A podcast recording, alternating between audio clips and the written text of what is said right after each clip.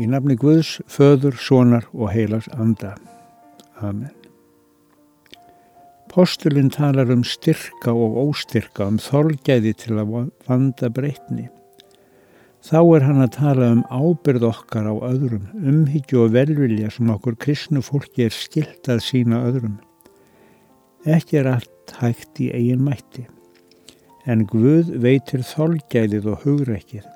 Allt er það vegna nálagðar frelsarans Jésu Krists. Heyrum orð Páls postula í 15. kapitula Rómvirabrefsins. Stilt er okkur hennum styrku að bera veikleikan með hennum óstyrku og hugsa ekki aðeins um sjálfa okkur. Sérfært okkar hugsi um náunga sinn þar sem honum er til góðs og til uppbyggingar.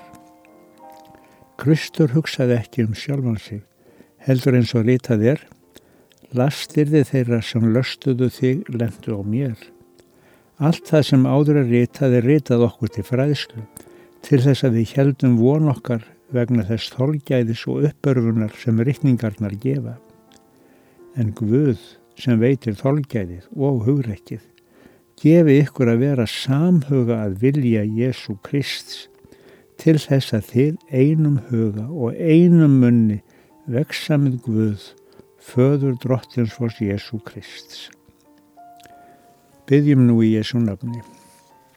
Þú drottin sem þekkjur okkur betur en við gerum sjálf, veist hversu mann vegna við erum gagvart því að hugsa frekar um okkur sjálf, en það sem náunganum er til góðs og til uppbyggingar.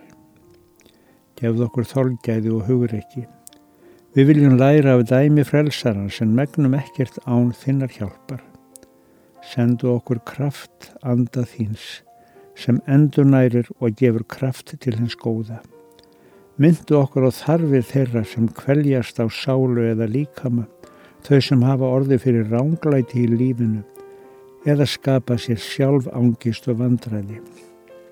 Vertu þeim nálegur. Beindu okkar verkum til að sína umhyggju og skilning. Þess byggjum við þig þegar við notum orðbænar orð þín. Í bæninni bestu og segjum Fadur vor, þú sem ert á himnum, helgist þitt nafn, tilkomið þitt ríki, verði þinn viljið svo á jörðu sem á himni.